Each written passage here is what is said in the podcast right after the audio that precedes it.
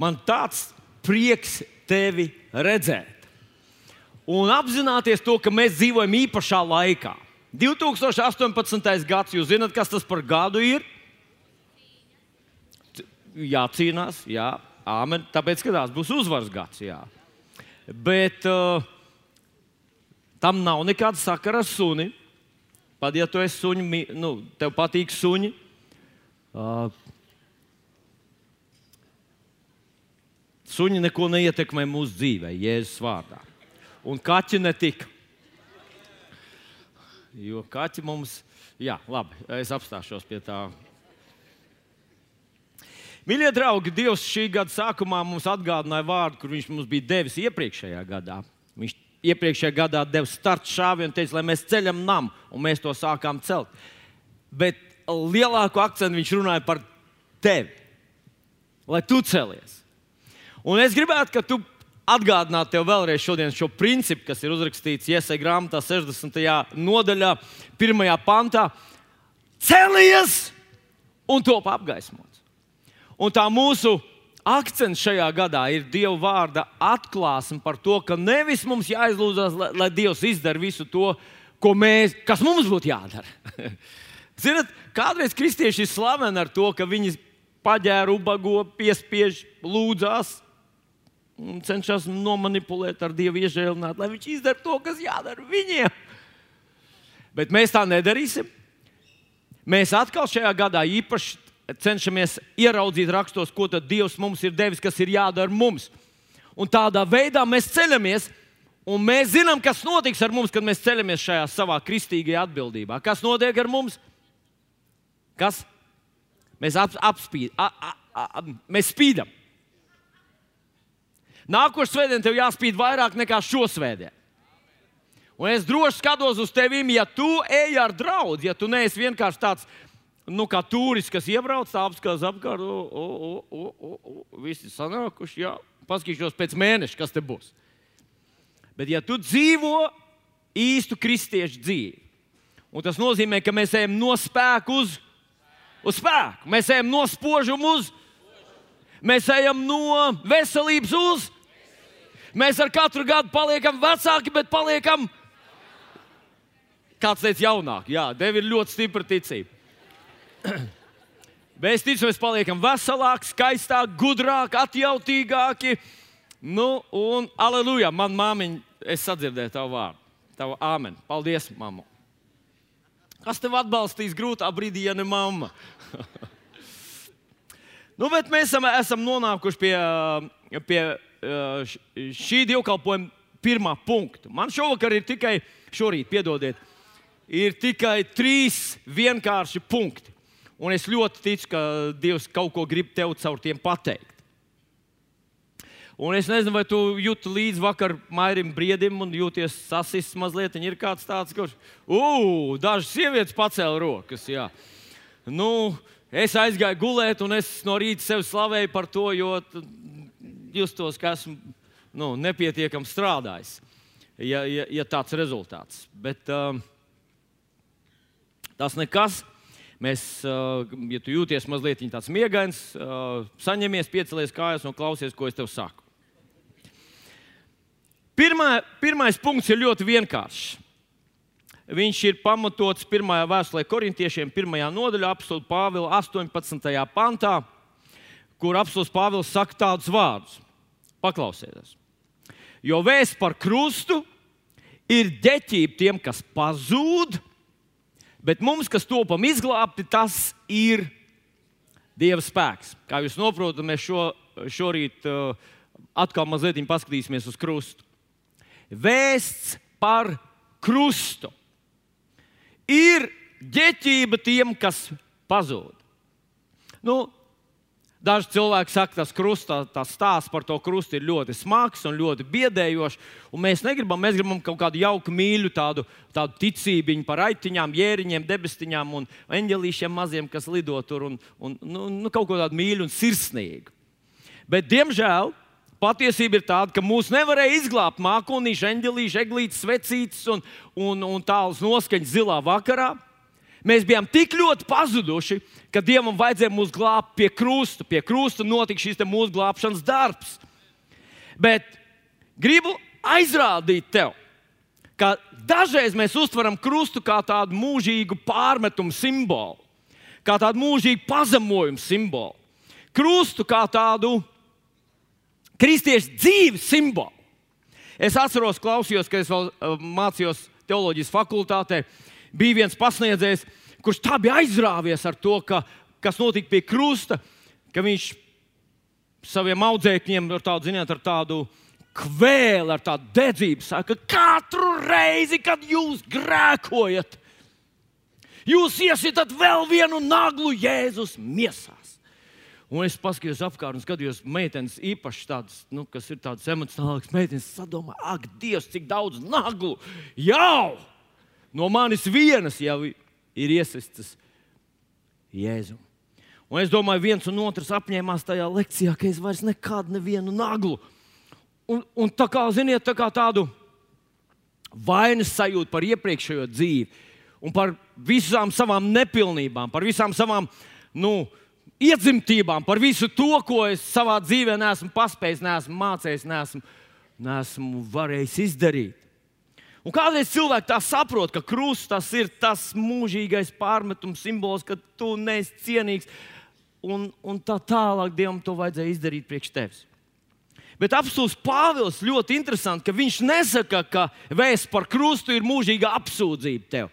Vēsts par krustu ir tavs dzīves simbols. Tev kā kristietim ir viss dzīve jādzīvo tā, it kā tu karātos pie krusta. Jo tad var būt debesīs būs labāk. Apsūdz Pāvils tā nesaka. Viņš saka, ka vēsts par krustu ir Dieva spēks. Saka, Dieva spēks! Vilni, ko tu tur tik ļoti nu, šūmējies? Mēs par krustu zinām jau kopš no bērnības. Tas, uz ko es gribu vērst tavu uzmanību, ir spēks, Dieva spēks, Dieva spēks, Dieva spēks. Jūs zināt, ka kristiešu dzīve, man atkal jāatstāsta, es jau esmu teicis kaut kad, bet uh, vēlreiz gribu atstāt, es nesaukšu to mācītāju vārdā, viņš ir diezgan pazīstams Latvijā mācītājs. Vienā tādā privātā sarunā mēs ar viņu runājām, uz ielas mēs runājām kaut ko, un viņš paskatījās uz maniem un teica, tā kristiešu dzīve ir šausmīgi grūta. Un es izbijos, viņš ir drusku vecāks par maniem. Es domāju, es varbūt neesmu vēl nodzīvojis līdz tai kristiešu īstai dzīvei. Es teicu, vai tiešām ir grūti kristiešu dzīve? Un viņš tā vieta, varbūt viņam bija tāds aktieru dotības arī mazliet. Viņš tā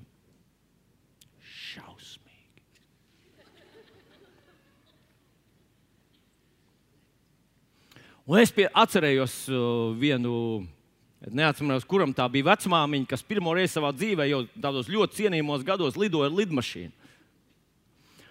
Un kad viņi sēdēja tajā lidmašīnā, visu laiku roku turēja augšā pie tā, pie, pie tā nu, pie paneļa. Jūs zināt, tur var piespiest izsaukt stūri. Un, un, un, visu laiku, un viņai blakus sēdētājs jautā, kāpēc tu, tu visu laiku tur tur? Viņa tam mainīja rokas. Viņa saka, es palīdzu viņai lidot. Un tad man gribējās salīdzināt kristiešu dzīvi ar lidošanu. Ir ļoti grūti lidot. Jūs man piekritīsiet, ko? Iedomājieties, jūs ejat uz lidmašīnu, stāv pilots, tāds bēdu sagrausts.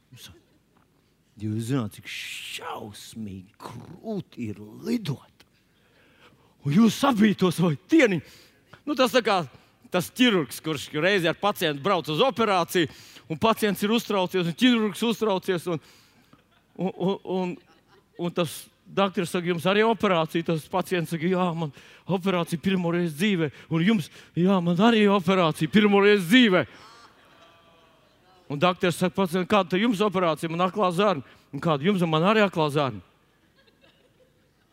Jums ir aklā zārna? Nu, es operēšu šodien. Un, un tad tas doktors saka tam pacientam, kāda tev problēma uztraukties. Tu mierīgi gulēsi, kamēr man būs jāoperē. Ko tu uztraucies? Un tieši tāpat. Tieši tāpat mēs varētu teikt, kad mēs ietu uz lidmašīnu, un tur lidmašīnas pilots mums sacīja, tas šausmīgi grūti lidot. Es gribētu teikt, ka lidot nav iespējams. Kurš man piekrīt? Ko?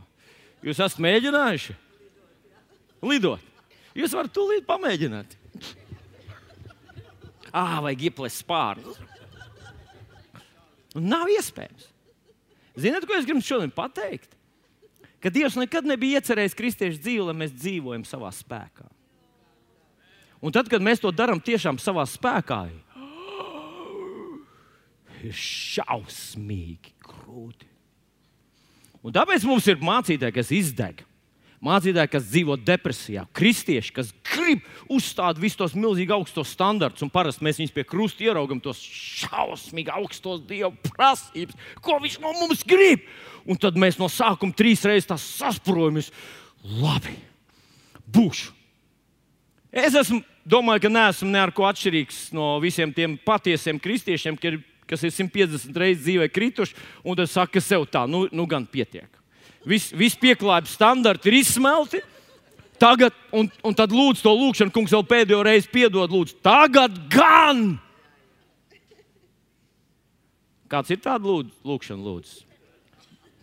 Ugh, paskatieties apkārt, cik daudz ir lūguši, kungs, piedod pēdējo reizi. Ja Dievs klausītu visas mūsu lūgšanas, es domāju, ka mēs debesīs laikam nebūtu nemaz. Mana lielā atklāsme bija tā, ka Pāvils saka, ka vēsts par krustu ir Dieva spēks. Spēks! Tur ir Dieva spēks! Man gribētos to salīdzināt ar vecajā derībā. Bija tāds, tāda cakarīga grāmatā, 4. nodaļā, tāda tā, situācija, kad Dievs pavēl Zerubābelam, lai viņš ceļ Dieva namu. Un tauta ir tikko atnākusi no, no no trimdas, visi vēl ir nabagi, visi vēl cenšas kaut kā tur tā, iekārtot savu mazo pieticīgo dzīvību. Un atnāk pie viņiem pravietis un saka, vai jūs domājat, ka ir laiks celt jūsu namus? Ne īstenībā ir jāceļ dieva nams. Un viņi visi, un Zerubābels ir līdzēs, un viņš saka, Zerubābels, Dievs tev palīdzēs, dari to!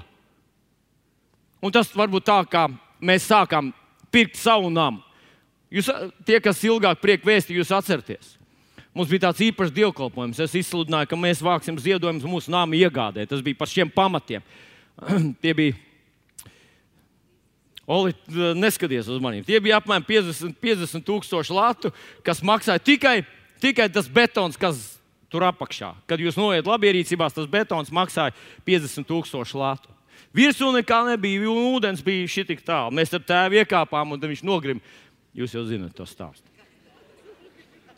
no, nogājām pa, pamatstāvā, tur bija viss sasals ledus, bija, un viņš uzkāpa uz ledus gabalu, un tad tā lēnām kā ar liftu iebrauc iekšā, kamēr ūdens ietekmēja viņa zābakos.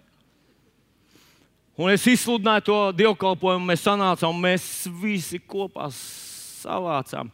Ja es pareizi atceros, toreiz es varu kļūdīties, bet fakts, ka mēs savācām kaut kādas asaras, un tad es kaut kur biju lasījis, Es biju kaut kur lasījis, ka Āfrikā ir dievkalpojumi, ka viņi astoņas reizes laiž ziedojumu traukus nu, pa, pa draugu, un katru reizi ir pilni. Un, uh, un es teicu, Jēzus vārdā es rīkošos ticībā. Un es teicu, ziniet, ko brāļmās mēs salasījām, tur nu, vispār nav vērts mums iet uz izsoli ar to naudu. Izdarīsim to vēlreiz, bet tagad no sirds. Un tad bija desmit reizes mazāk, un es teicu, Jēzus vārdā es to darīšu vēl trešo reizi un mēs palaidām ziedojuma maiziņas vēl trešo reizi. Tie, kas, tie, kas šaubījās, vai draudzēji vienīgais, ko no mums vajag, ir nauda, tie tajā dievkalpojumā saņēma apstiprinājumu, jo trīs reizes tika vākti ziedojumi. Pēdējā reizē mēs savācām tur kaut kādu 120 vai kaut kādu 111 uh, lati. Un es sapratu, nu, ka tas jau nebūtu ticība, tas būtu izmisums, ja mēs to darīt vēl vienreiz. Un izmisums, kā jūs zinat, nedarbojas. Līdzīgi, līdzīgi atradās Zerubābels līdzīgā situācijā. Un tad Dievs viņam sūta šo vārdu no, Zer, no Cakarijas grāmatas 4. nodaļas 6. panta, kur viņš saka tā. Tā saka tas kung, tā kunga vārds Zerubābelam. Ne ar bruņotu spēku, ne ar varu, bet ar manu garu. un tad viņš viņam saka, tu, kas esi lielais kauns, man patīk krievu tulkojumā, tur rakstīts, tu lielais kauns Zerubābel priekšā, tu būsi līdzenums. Zerubābel priekšā tu esi līdzenums. Halleluja! Ziniet, ko varbūt vēl tūkstots visādi bābeļu priekšā tas bija liels kalns. Bet zeru bābeļu priekšā tas bija līdzenums. Kā? Kā tas ir iespējams?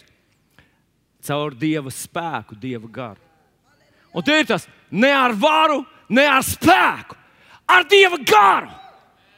Vēsts par krustu nav vēsts par tavu spēku, par tavu raksturu, par to, ka pietiek, par to, ka tev vienreiz pietiek mocīt Jēzu. Beidz sist viņam naglas, nu, vai tev kauna nav? Gala beigās. Tā ir vēsts par to, ka tu to izdarīt nevarēji. Un ne ar tavu spēku, ne ar tavu varu, bet ar Dieva garu. Halleluja! Un viņš saka, tu uzliksi gala noslēguma akmeni, un visi te uzgavilēs, ka tas izdarīts bija brīnišķīgi Jēzus vārdā. Tātad vēsts par krustu ir Dieva spēks. Mēs esam pienākuši pie otrā punkta. Bet ziniet, ko otro punktu es atradu internetā? Ļoti labu video. Vai jūs būtu gatavi noklausīties 6 minūšu video? Jo es nepateikšu labāk, kā tas uh, cilvēks tur. Nu, tad uzmanību ekrāniem. Nu, tad paskatīsimies uz to, kas tajā krusta vietā, kas tajā vārdā par krustu ir tik ļoti, ļoti nozīmīgs.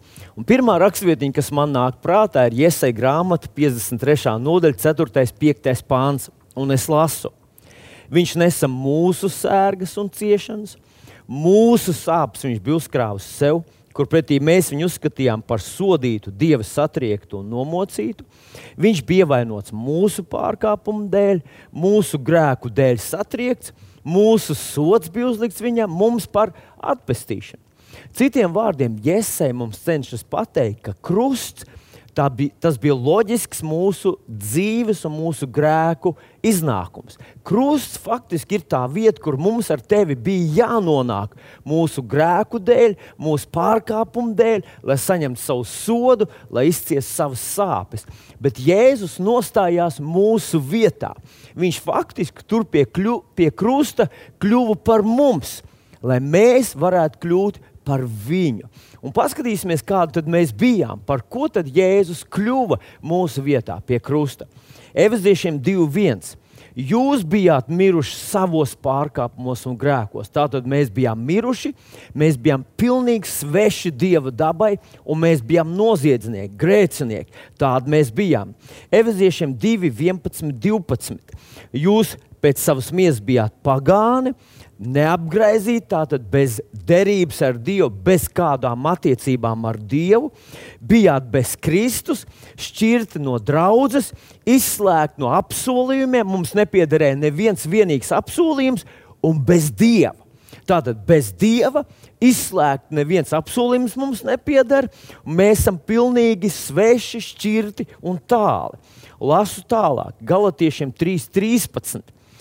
Kristus mūs ir atpircis no bauslības lāsta, mūsu labā kļūdams par lāstu. Tu esi lasījis 5. mūža grāmatas 28. nodaļu, tad tur ir lāsta daļa. Un tur rakstīts, ja tu neturēsi un nedarīsi visu, tad visi šie lāsti. Tātad visi šie lāsti tevi skars un tevī piepildīsies. Un tas nozīmē, ka pirms Kristus, pirms krusta, mēs bijām maksimālā lāsta vietā. Mēs bijām maksimāli nolādēti. Tas nozīmē nolādēt visās jomās. Visa mūsu veselība, visa mūsu, visa mūsu organismu sistēmas bija nolādēts. Jāņa 8,44. Jēzus saka uh, reliģiskiem cilvēkiem, jūs esat no sava tēva vēlna. Mēs tādi bijām arī vēl vēlna bērni, burtiski, burtiski, uh, burtiskā izpratnē. Ko tad mēs no tā visa varam secināt? Mēs bijām maksimāli nolādēti, sveši, tāli, bez dieva. Viņam pilnīgi uh, nekādā gadījumā, nekādā veidā ar viņu nesaistīti. Mēs bijām ienaidnieki ar viņu, mēs faktiski bijām dieva ienaidnieki. Tādiem mums bija jābūt, jātiek piesistiem, uh, pienaglotiem, sodītiem pie krusta. Bet Jēzus atnāca un ieņēma mūsu vietu, lai, mūsu, lai mums būtu piederētu šī viņa svētības vieta. Paklausieties, ko apelsīns Pāvils uh, to saka saviem vārdiem 2. korintiešiem 8. nodaļā, 9. pāns. jo jūs zināt, mūsu kunga Jēzus Kristus žēlastību, ka viņš bagāts būdams ir tapis nabaks jūsu dēļ, lai viņa nabadzība kļūtu par bagātību jums. Tātad Jēzus bija bagāts, kļuva nabaks, lai viņa nabadzība kļūtu par bagātību mums. Tas nozīmē, ka viss Jēzus, kad ieņēma mūsu vietu, viņš deva mums savu vietu. Un tā tad lasu Eviziešiem 5,8. Jūs bijāt tumsa, tagad esat gaisma. Eviziešiem 2,13. Kādreiz bijāt pagriezuši dievam muguru, tagad esat tuvi, esat kļuvuši par savējiem dievam. Eviziešiem uh, 2,19 esat kļuvuši par diev, vienas valsts pilsoņiem ar svētajiem dieva saima vai dieva ģimeni. Romiešiem 8, 15, 17. Mēs esam ieguvuši Dieva bērnības garu un esam kļuvuši par Dieva bērniem, un, ja bērni, tad arī mantinieki. Ievēro, viņš kļuva nabaks, lai viņa nabadzība kļūtu par bagātību mums. Tas nozīmē, ka mēs bijām šajā maksimālā lāstu vietā, tagad esam svētības vietā, un tā svētības vieta ir tāda, ka mēs esam Dieva mantinieki. Dieva mantinieki, kas var būt vēl labāks par šo. Un nu mans īsts kopsavilkums, paklausies, lūdzu. Tātad mēs bijām vēlni bērni, tagad esam Dieva bērni.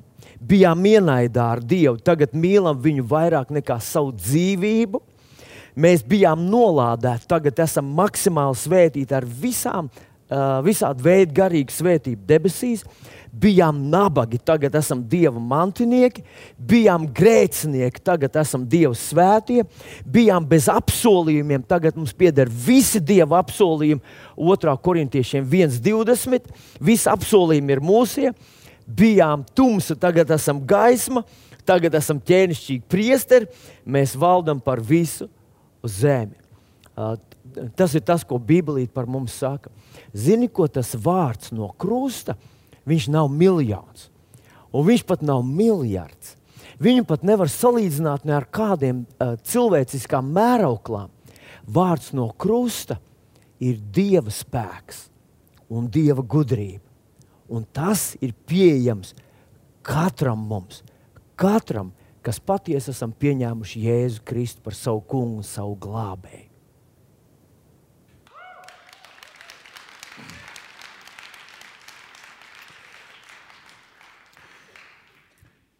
Faktiski, draugi, kas notika? Pie krusta notika apmaiņa. Jēzus uzvilka mūs, lai mēs varētu uzvilkt viņu. Apvilka mūsu veco identitāti, mūsu problēmas, visus mūsu grēkus, visus mūsu sērgas. Un viņš nevis uzstādīja mums standartus, teica, jums jābūt kā es, asins pa degunu, bet esat kā es. Otrādi, viņš kļuva par mums un padarīja mūs par sevi. Ja tā ir patiesība, ka viņš man padarīja par tādu un paņēma visas manas sērgas un slimības. Mēs taču varam lūgt, kungs, re, kur es esmu. Padari mani, re, kur es esmu, padari mani par uh, tādu, kā tu gribi. Es esmu tādu lūgšanu lūdzis diezgan daudz reizes. Atceros pēc kaut kāda konflikta ģimenē, kur es sapratu, ka es esmu bijis kretīns. Man ir bijuši tādi brīži, diezgan daudz. Es ar saviem ceļiem, asarām acīs lūdzu Dievam, lai Viņš man izmaina. Es saku, viņam pārmaini man, pārmaini man. Es gribu būt tāds kā tu. Es man riebjās, kāds es kļūstu tajos brīžos, kad man ir pamostās visas tās sliktās, egoistiskās, tās vecās lietas. Un es tā patiesā tādā lūkšanā teicu, Dievs, Dievs, izdara ar maniem, kā tu gribi.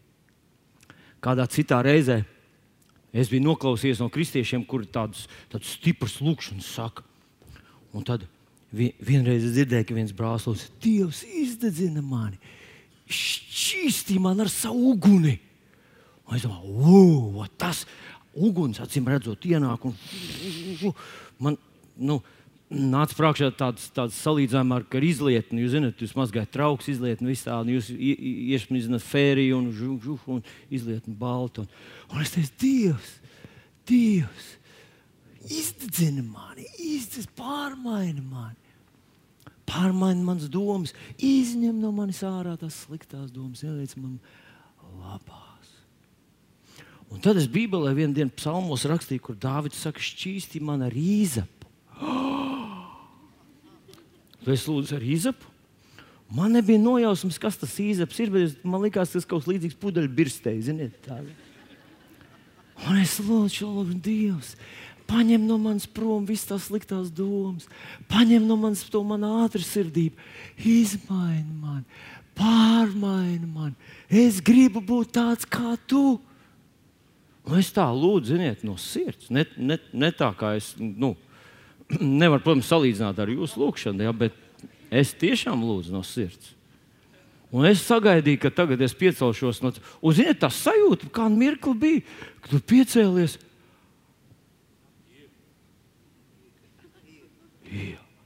Wow. Ir.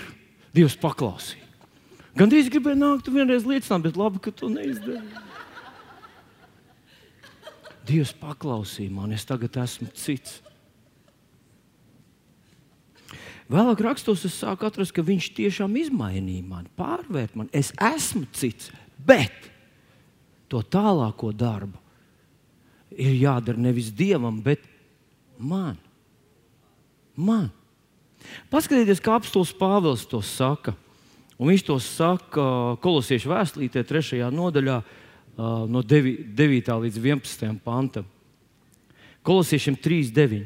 Novelciet veco cilvēku un viņa darbus, un apģērbiet jauno cilvēku, kas tiek atjaunots atziņā pēc viņa radītāja tēla. Un zinot, ko es sapratu, ka es šo lūkšanu nevis, kur Dievs saka, novelc, es teicu, lai viņš novelk. Tad klasiskā kristiešu stratēģija, vai ne? Viņš tev saka, tu evanģelizē, tu saki viņam, tu glābi. Viņš tev saka, lai tu uzticies viņam, un tu saki viņam, es gribu sajust, es gribu redzēt. Kā Toms teica, ja es nelieku savu pirkstu, es tad nu, neticu, es neredzu, es nejūtu. Bet viņš saka, tu novelc. novelc. Citiem vārdiem, ja tu neesi novilcis veco cilvēku un neesi apģērbis jauno cilvēku, Dievs nav vainīgs. Kurš ir bijis slings? Uzmini! Jā, ieslēgā labierīcībās uzmanīgi, pieskaties acīs tam slinkulim, kur tu redzēsi. Tur, tur lejā ir burvis poguls, viņš parāda to, kurš ir tas slinkais. Jo novelc un apvelc, viņš to saka tā kā tev. Nu, paklausieties vēl romiešiem 11. Mēs visi zinām, romiešiem 8. nodaļa, 11. pāns. Tur bija rakstīts, ja jūsos mājo tā gars, kas jēzus uzmodinājis no miroņiem, tad viņš, kas Kristu Jēzu uzmodinājis no mirējuma, arī jūs mirstīgās miesas darīs dzīves ar savu gāru. Tālāk mēs lasām, es nenogurdināšu jūs ar citēšanu. Bet uh, tālāk viņš saka, ka brāļi mums vairs nekas nesaista ar miesu, ka mums būtu jādzīvo pēc miesas, jo, ja jūs pēc miesas dzīvojat, tad jums, jūs mirsiet. Bet, ja jūs, un tad viņš saka tos vārdus, bet, ja jūs gara spēkā darāt galu miesas darbībai, tad jūs dzīvosiet. Gara spēkā man tas saslēdzās ar vēstu no krusta, ir Dieva spēks. Bet viņš saka, Dieva spēkā, bet jūs. Un, mīļie draugi, es uh, negribu lielīties ne ar ko. Es vienkārši mēģināšu varbūt parādīt praktiski, nu, kā manā kaut kādās dzīves situācijās, kā es esmu to piedzīvojis, šo Dieva spēku. Man bija vairākas tādas reizes, kad tā kā Un īpaši pēdējā kāda gada, drusku vairāk laika, esmu ļoti stipri pieķēries uh, tam, ka es esmu dziedināts. Man ir 50, 55 gadi, 55 man ir, vai 6, cik ir. Vārds, kaut man ir pāri 50, un tas ir pēdējais laiks, kad tik dziedinātam, pareizi. Jo, ja tu sāc saņemt dziedināšanu, tad, kad jau ir pa vēlu, tad jau tas puisis, kurš, kurš slimnīcā sāk mācīties ķīniešu valodu. Viņam 98 gadi, viņš ir smagi slims. Un, kad doktors viņam prasa, kāpēc tu, tu mācies tagad ķīniešu valodu, viņš saka, kad tā vēl tā, lai to dara? Pēdējais laiks. nu, lūk, un, uh, es pamanīju, ka ir interesanti, ka tad, kad tu sāc ticēt Dievam par kaut kādām lietām, kuras tu redzi, ka Viņš priekš tevis tās ir nodrošinājis, ka pamostās tā kā tāda pilnīga opozīcija. Vēlns saceļās pret tevi. Viņš negrib, nu, es tās to skaidroju. Bet es saprotu, un es redzu to analoģiju ar Simpsonu. Dievs viņu bija izredzējis, lai viņš uzvar un atbrīvos savu tautu. Bet viņš varēja apgulties Dalīlas klēpī, un viņa vēl viņam bužināja matus. Un es saprotu, ja kristietis nu, apalaižās, Viņas, viņš saka, par ko tu vilni stāst? Kāds vēlams paskaties, vai man muguru masē? Un tikko tu sāc pieķerties Dieva apsolījumam, tikko tu saki, es esmu tas, ko vārds saka, es esmu, pēkšņi Dalila pārvēršas par raganu un grib tevi nogalināt. Un viņai tur aiz, aiz, aiz tā aizslietnīša stāv bruņot filistieši. Es tev gribu teikt, Vēlams, tev liek mierā, tāpēc, ka tu acīm redzot, esi atlaidies mīksts uz dīvāniņa un domā, ka tu esi ārpus uh, cīņas. Viņš tev liek mierā, tāpēc, ka tu esi viņa varā. Bet, ja tu paceltos, saceltos, ja tu celtos, Dieva spēks atnāk par tiem, bet tur arī pamanīt, ka ienaidnieks ir aktīvs. Nu, viena bija tāda reize, kad uh, kad uh, man bija jūtīgs kakls, un es kaut kur tā enerģiski, aktīvi lūdzu un sludināju. Un atnācu mājās. Tas bija piekdienas vakars, jau man kakls bija galīgi slikts. Sēdesdienas rītā kakls bija pavisam slikts, un viss vis mans ķermenis palika slikts. Nu, slikts tas nozīmē, es ceru, jūs saprotat, slikti. Sēdesdienas vakarā es uzģērbu šo silto jaku un staigāju pa māju jakā. Vēl pēc stundas es uzvilku kapuci, staigāju pa māju kapucē. Staigāju pa māju kapucē, un kad man dzīves draugs prasa, kas tev ir, es saku, nekas, esmu dziedināts. tu, tu varbūt domā, vai tad tev nevajadzēja teikt, ka tu esi slims un ka tev, ka tev vajag aspirīnu vai kaut ko. Ziniet, ko savā garajā mūžā esmu pamanījis, no tā nevienam nepaliek labāk. Es saku, man ir šausmīgi slikti, man ir temperatūra, man liekas, ir vīruss, es laikam nezinu, tā ir trīs dienas gulēšu vai kaut ko tamlīdzīgu. Tā kā es izlēmu nedot nodevs uh, uh, nevienam. un man ir vienīgi jāpaskaidro manam dzīvesdraugam, lai viņi nedomā, ka man kāds iekodas. Jūs zināt, ir tāds teiciens, kas tev iekodas. cilvēks no, visbēlīgi bija normāls, un pēkšņi ir savādāks. Tad mēs sakām, kas tev iekodas. Un tā es staigāju pa māju visu to vakaru, sestdienas vakaru. Tāds es aizgāju gulēt. Svētdienas rītā es agri, agri piecēlos, un es domāju, no kurienes te pūš? Es esmu gultā zem segas, un domāju, ak, Dievs, kas mums mājā te notiek? Pūš uz galvas tev virsū. Un jūs neticēsiet, protams. Es nepārspēju, es saku, kā tas bija. Es uzliku tādu vielīti sev uz galvas. Un, lai nepūš, pasargāt sevi no caurvējiem, jo man tas tuliņš svētdien, man jāiet sludināt. Un tur zem sēgas gulēdams, mazliet pārvietodams pa istabu, es sapratu, ka pūš arī uz pleciem, un es uzliku uz pleciem arī kaut ko. Un tā es staigāju pa māju svētdienas agri, agri no rīta. Bet, ziniet, ko es visu to nakti un visu iepriekšējo sestdienu biju visu laiku citējis raksturvietas. Viņš bija ievainots manu pārkāpumu dēļ, manu grēku dēļ satriekts. Mans sots bija uzlikts viņam, man par atpestīts, esmu atpestīts, ar viņu brūcēm es esmu dziedināts. Galtiešiem 220.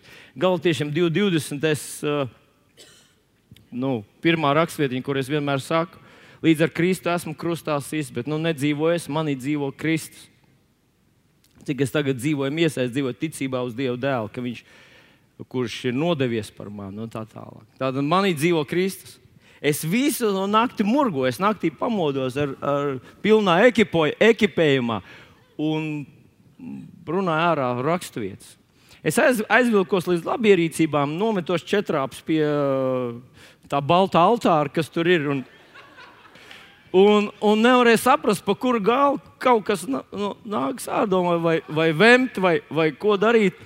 Es jutos beigts, un man liekas, tur blakus kaut kur sēdēja kāds padomdevējs, kurš man teica, pamodini līgu, pasaki viņai, viņai jāsludina rīt, lai viņa cilvēks padomā kaut ko. Tu viņu nostādīsi faktu priekšā pēkšņi. Tu esi slims. Un es teicu, es esmu dziedināts, jēzus brūcis, un atkal manī dzīvo Kristus, es vairs nedzīvoju sevi. Un, zinot, svētdienas rītā no rīta manī bija sajūta, man sevis bija žēl mazliet. Kas nekaitētu, ja man būtu tikai pirmdiena kaut kur jāiet, bet esmu mācītājs, man jāiet svētdienas rītā un jābūt dziedinātam, laimīgam, veselam, priecīgam un svaidītam.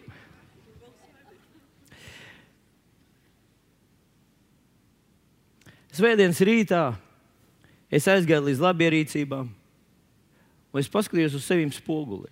Es izskatījos kā otrā pasaules kara, kara gūsteknis. Es skatījos uz sevi Un es tev teicu, bet es esmu dziedināts. Un zinot, kas notika tajā mirklī? Jūs varat saprast, ka es tāds nu, pārvietojos daudz stundas, un vannas istabā es biju regulārs uh, apmeklētājs. Pēkšņi tur, oh, es jūtu, ka pūš kaut kas. Pēkšņi tur, tajā vannas istabā, es uz sevi skatos un es saku sev. Un, zinot, tas bija kaut kas vairāk nekā vienkārši tu tā, nu, tā nedrīkst, saņemies. Tas bija kaut kas tāds manī, kas man teica, nē, dziedināts tā neizskatās. Es novilku vienu paltu, novilku otru. Un tas nebija kaut kas, kad nu, aiz pienākuma apziņas es esmu mācītājs un tūlīt draugs loceklis. Nu, jau tā visu nakti nevarēja saprast, kas ar tevi notiek. Ja. Es vienkārši ar tādu atnācu tāda nu, pārliecība. Es esmu dziedināts. Un es novilku savu biezo jaku, novilku to nost. Un, zinot, ar katru apģērbu gabalu, kur es novilku nost, man aizgāja slimība. Un tās sajūtas, smagās, nu, zinot, vīrieši ir ļoti izturīgi. Nevajag, nevajag. Vīrieši ir ļoti izturīgi pret visādām temperatūrām. Es jums to no pieredzes saku. jo man vajag tikai, vajag tikai 37 ar, ar 7, un es jau nu, sāk domāt, varbūt es jau savu esmu piepildījis šajā pasaulē. es skatos, skatos uz manu dzīves draugu, viņi ir sīksti kā kaķeni. Viņi, nu, viņi citreiz var izturēt. Nu, Bet es, es saku reāli, ka un, un es pie sevis tas bija tik uzskatām, tik saprotam, ka ticība rada rīcību. Un tā rīcība, kuru rada ticība, viņa nes sev līdzi, varbūt tu nejūti, viņa nes sev līdzi Dieva spēku, kas tevi pārmaina. Faktiski, ko tad es izdarīju? Es pienācu pie krusta. Pienācu pie krusta, un tur, kur viņš uzvilka manu uh, grēcīgumu, manas, manas diagnozes, visu to, kas es kādreiz biju, es to visu tur atstāju. Un es sajūtu, ka varēja apvilkt veselību. Svētdienas rītā es atnācu šeit, uzkāpu augšā, un neviens no jums pat nenojautāt, ka es pirms dažām stundām vēl, vēl miru nost. Un tad es sapratu, ziniet, ko, ka Bībele runā par uh, dzīvu ticību. Viņa runā par dzīvu ticību, piemēram, kristību gadījumā. Kad cilvēks pieņem Jēzu par savu kungu, Tad kristība ir nevis rituāls, kur mēs bakstam cilvēkam, ka tev jākristās, tagad tev jākristās. Kāpēc lai es kristītos?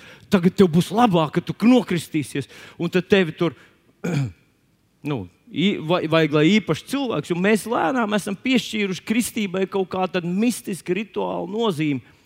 Kas manā izpratnē, ja jūs paskatāties uzmanīgi apakstuļu darbos, kā viņi runā par kristību, kristība netiek attēlot kā tāds maģisks, glābjošs rituāls, bet kristība tiek attēlot kā ticības darbs. Kā, ti, kā tu esi pieņēmis Jēzu par savu kungu. Viņš tagad ir tevs glābējs, tu esi izglābts. Viņš ir salīdzinājis tevi ar Dievu. Tu tagad dzīvo pilnīgi jaunā pasaulē, ar jaunu perspektīvu, ar jaunu nākotni. Un tagad tu to gribi apstiprināt. Ticība ir tā kā laulība. Tas tā kā puisis sadraudzējies ar jaunu, ar, ar, ar meiteni. Un, un, Tagad zina, ka tā ir viņa meitene. Pirmais, ko viņš grib izdarīt, nu, vismaz mana vecuma puiši, ko viņi gribēja izdarīt, man, mana gadagājuma. Mēs gribējām to apstiprināt, lai tas to vairs nevar izmainīt. Mēs gājām pie altāra. Tieši tāds pats spēks ir kristībai. Tu pieņem jēzu, tu gribi visiem pasludināt, tu gribi noslēgt derību, lai visi zinātu, man nav atpakaļceļa. Jēzus ir mans glābējs. Tad, tad tu atraisi Dieva spēku. Nu, labi, Vilni, tev tur bija nedaudz augstēšanās, un tur, tu tur tika ar to galā. Es ar to tiek galā ar aspirīnu. Es tev pateikšu, ka iespējams, ka es būtu varējis tikt ar to galā ar pāris aspirīnu tabletēm un tā tālāk. Bet es domāju tā. Atcerieties, par Dāvidu mēs lasām. Viņš teica, es uzvarēju lāci un lauvu, un tāpēc man nav bailes iet pretī Goliātam. Kad tad man sāk ticēt, tad, kad man pateiks, ka man ir neārstējama slimība? Tad, kad man pateica, ka tev ir vecuma plānprātība vai vēl kaut kas tamlīdzīgs. Es labāk to sākšu dzenāt, tos tās sīkās augstēšanās, atraisīt šo savu ticību. Jo tad, kad nu, ienaidnieks nāks pret maniem ar karu, man, es jau būšu praktizējies tajā. Vai es tevi izaicinu šodien? Paņem šo ticības darbu savā ikdienā, paņem to tavā, savā lielākajā problēmā, kurā tu esi šobrīd. Paņem viņa vārdus, un lai tie kļūst par tavu dzīves patiesību, celies, gulies ar to līdz vienu dienu. Tu sajutīsi, ka, hei, tā nedzīvo svētīts cilvēks, tā neģērbjās tas, kurš ir dziedināts, tā viņš nestrādā, tā viņš nesaņem, tā viņš neziedo. Cilvēks, kuram Dievs palīdz. Es gribu teikt, ka tavs finansiālā labklājība sākās ar vārdu tavā sirdī. Un ar to, ka tu svētdienas rītā te sēdi, nevis saki, vai dieniņa, vai diena man tik maz, es nevaru ziedot, bet tu saki, esmu tik ļoti svētīts, ka es varu noziedot, jo Dievs man palīdz. Halleluja! Tas ir ticības darbs. Paklausies! Es nezinu, kur ir tev problēma, bet es zinu, ka ir. Katram mums ir sava. Kāds varbūt ir bijis starp cietumā visu dzīvi. Un viss viņa dvēsele ir tāda, nu, cietumā rūdīt, cietumā apmācīt un cietumā veidot. Un tā bija nu, uzvelk tādas estētiskas drēbes starp visiem. Bet tu zini, ka iekšpusē nu, ir kaut kas, no kā tev jātiek vaļā. Kā to izdarīt? Tieši tāpat kā es to saņēmu dziedināšanu no savas, savām augstēšanās problēmām. Paņem vārdu. Paņem vārdu, paņem vārdu, ieliec to savā dvēselītē, runā par to, domā par to, uh, uh, sapņo to līdz vienai dienai. Es zinu, viens stāsts, viens puisis stāstīja, ka viņš bija kaislīgs smēķētājs. Viņš nevarēja atmest to smēķēšanu. Viņš bija metis centās reizes, tur pirts paciņu, iesācis to, tad metis to ārā, mīdīs, lādējis, tur, tur darījis visu, ko. Un tad viņš paņēma to, ka es tāds kāds Jēzus ir, tāds es esmu no 1. Jāņa 4.17. Viņš ir, viņš ir tāds. Kāds viņš ir, tāds es esmu. Un tad viņš ņēma to, ko dēls atbrīvos. Tas patiesi ir brīvs. Es esmu atbrīvots. Un brīžiem viņš teica, es ņēmu drebošu roku, cigareti, pīpēju, bet es teicu, Jēzus vārdā, es esmu atbrīvots, es esmu brīvs. Un viņš saka, Vienu dienu es gāju un pie sevis domāju, es esmu atbrīvots un stop.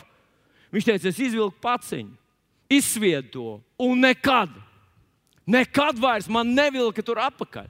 Jo vēsts par krustu, kad viņš paņēma to tavu sagrausto, sapūšo, uh, divkosīgo, egoistisko dvēselīti, viņš to paņēma sevī un tev atstāja savējo. Aleluja!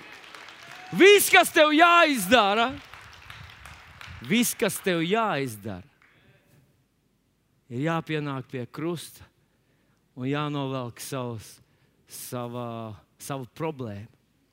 Es ticu, ka viņš te paņēma arī manu nabadzības problēmu, manu baiļu problēmu, manu laulības problēmu, manu nezinu, parādu problēmu, manu nemācēšanu. Varbūt man vilmaiņas problēma arī viņš paņēma. Varbūt kādam ir atkarība no ēšanas, no cukura. Un es gribu teikt, tā vietā, lai iesāktu kārtējo reizi kādu jaunu o, o, diētu. Tu varētu paņemt viņa vārdu un pateikt, ka viņš ir man atbrīvojis. Man nav cita kunga manā dzīvē, kā vien kungs Jēzus Kristus. Un šis vārds no krusta ir spēks, kas palīdz man tikt galā ar to, ar ko es pats tikt galā nevaru. Un es tev teikšu, ja tu paņemsi viņa vārdu, vienu dienu tu sajutīsi, ka tā jau nē, tie, kas ir atbrīvoti. Un tu pienāc pie tā krusta un vienkārši novilksi savu, nezinu, tu zini, kāda tā ir.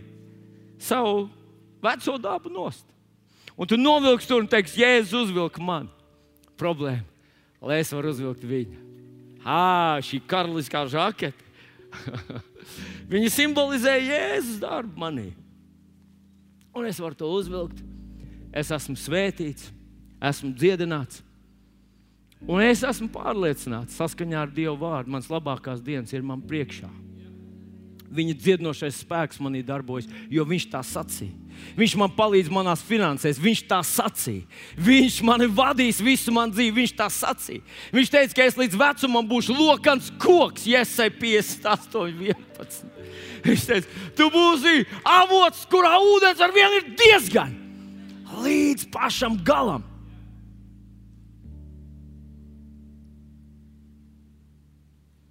Bet tu novilksi savu sasmērēto veco ancugu nost. Tu vari to izdarīt katrā laikā.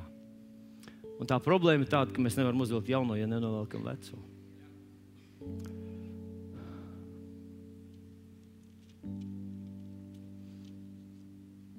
Ir cilvēki, kuriem saka, ka vēsts par krustu tomēr nu, tā ir tāda vilna, tu pārspīlē.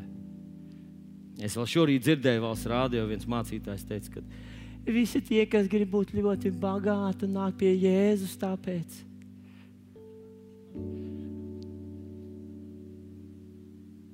Jēzus tā teica, ka viņš bija bagāts, kļuva nabaks mūsu dēļ, lai viņa nabadzība kļūtu par bagātību mums. Mēs jau neko neesam paši izdomājuši. Viena no lielākajām vajadzībām šajā pasaulē mums būtu finansiāli nodrošināti. Bez tā mēs nevaram ne bērnus uzaudzināt, ne, ne kaut kur normāli dzīvot. Vai jūs domājat, ka Jēzus to ignorētu? Esmu pārliecināts, ka nē. Šai rītā es gribu, lai tu paskaties uz Jēzus krustu. Varbūt piecelsimies kājās. Visi. Paskaties uz to krustu. Lai tu varētu ieraudzīt, ka viņš apvilka to tavu problēmu, apvilka, paņēma, uzkrāva sev, viņš izcieta, iz, uznesa. Viņš to visu izdarīja. Lai tev tas nav jānes. Paklausies, lai tev nav jānes. Ja tu to nes, tad tas ir tāpēc, ka vienkārši tu viņam neusticies. Bet, ja tu pateiksi, kungs, Es pieņemu šo tavu atbrīvojošo darbu priekš sevis. Es to pieņemu Jēzus vārdā. Halleluja! Tu biji ievainots manu pārkāpumu dēļ, manu grēku dēļ satriekts, mans sods bija uzlikts tev, man par atpestīšanu ar, ar tavām brūcēm. Es esmu dziedināts. Ar tavām brūcēm es esmu dziedināts. Ar tavām brūcēm es esmu dziedināts. Ebrejiem 13.8. rakstīts, ka Jēzus Kristus vakar un šodien tas pats un mūžīgi. Un tas nozīmē, ka viņš arī šodien dziedina. Mēs šodien, šorīt lūgsim par dziedināšanu. Bet es ļoti lūgtu, lai iznāk priekšā tikai tie cilvēki, kas redz to, ka viņš paņēma mani. Viņš paņēma manu slimību, viņš paņēma manu augstēšanos, viņš paņēma manu problēmu, viņš paņēma manu vēzi, viņš paņēma manu iekaisumu, viņš paņēma manu neauglību, viņš paņēma manu uh, nezinu, asinsspiedienu, viņš paņēma čūlu, sirds problēmas vienalga. Ja tu redz to, ka viņš to paņēma, tad to vienkārši var pieņemt brīvību no tā. Jēzus vārdā. Halleluja! Tad uz mirkli aizver ciet savus acis un pasaka līdz ar maniem šo lūkšanu. Saka, kungs, Jēzu, paldies tev par to, ko tu izdarīji pie krusta. Tu paņēmi manas problēmas un dāvināji man savu o, identitāti. Tagad es esmu Dieva dēls pēc statusa. Halleluja! Es pateicos tev. Es pateicos, ka tu paņēmi manu slimību, manu sērgu. Jēzus vārdā, ar tavām brūcēm. Es esmu dziedināts, dziedināts, dziedināts dziedināts. Es esmu dziedināts, dziedināts, dziedināts. es esmu cienīts. Aleluja! Paldies, Tev, Kungs! Paldies, Tev! Paldies, Tev! Paldies, Tev! Paldies tev.